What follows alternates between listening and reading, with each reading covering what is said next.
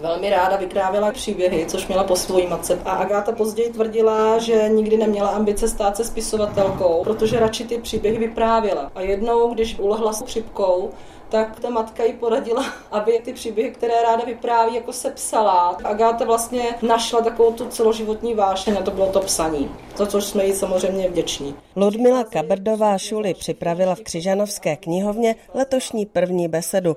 Tématem je královna detektivek, spisovatelka Agáta Kristý, která ji zaujala už na studiích. Tady mám nějaké knihy, které teďka vyšly, sleduji to dál, protože já jsem na to kdysi psala ne diplomku, ale museli jsme dělat nějaké komparace těch adaptací na vysoké, takže jsem se jako k tomu hodně věnovala. Jsem studovala film jako scenaristka, dramaturgině, ale protože nejsem Steven Spielberg, že jo, tak jsem se k tomu nedostala. Tak jsem to začala tak nějak sledovat a Agáta mě chytla s tím svým životem, s tím způsobem. Kdy to bylo? Hledáčku mám asi od té školy, já nevím, 10-15 let možná, ale jako taky všechno nevím, že jo. Samozřejmě to jako je jenom taková jako záliba. Kolik jste toho přečetla? Já se spíš věnovala tamhle těm životopisným, Rekila skoro všechno, Marplovou taky.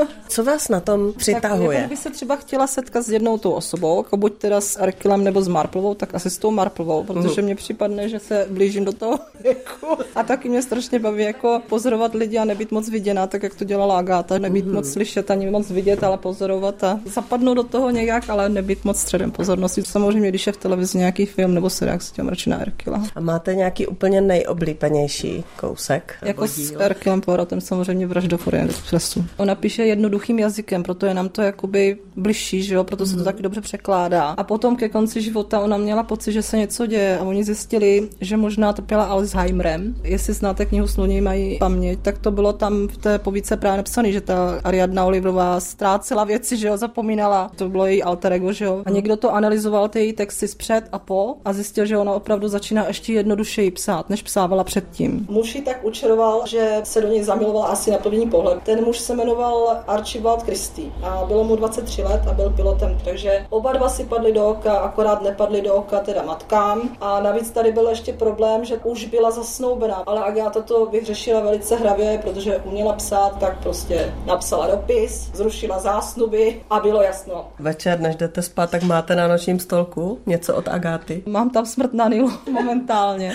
protože jsem koukala vlastně na verzi s Ustinovem, pak se Sušetem a teď nedávno dávali v televizi s Kenetem, tak jsem chtěla jako zabřednout ještě do té knihy znovu, že už jsem to četla taky kdysi. Kdo teda jako se toho držel nejvíce. A jak Ale to jako dopadlo? Jako scenérie se mě líbily samozřejmě u toho posledního, to Ústinova se mě líbilo trošku ta komičnost, ale samozřejmě jako Sušet byl nejlepší. Skřižanová Dáša Kubíková, Český rozhlas.